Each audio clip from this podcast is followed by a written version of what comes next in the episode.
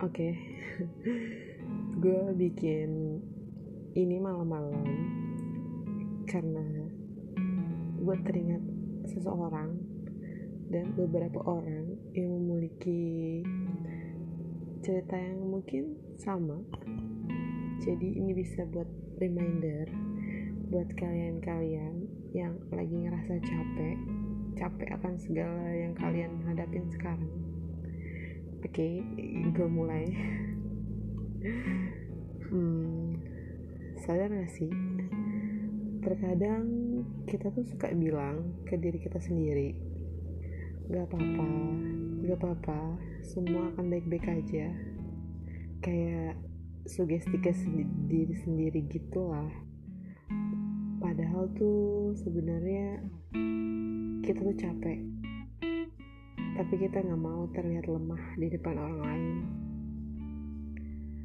Tapi mau sampai kapan kayak gitu?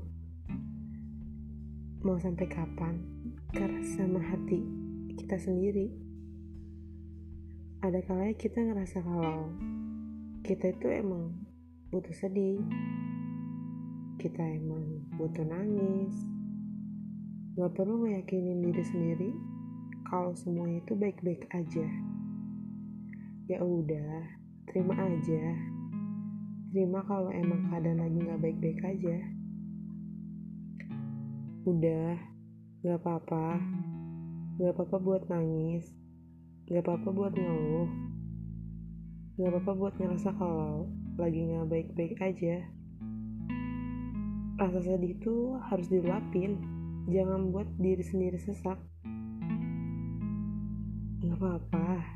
Buat nyerah hari ini kasih ruang buat hati kamu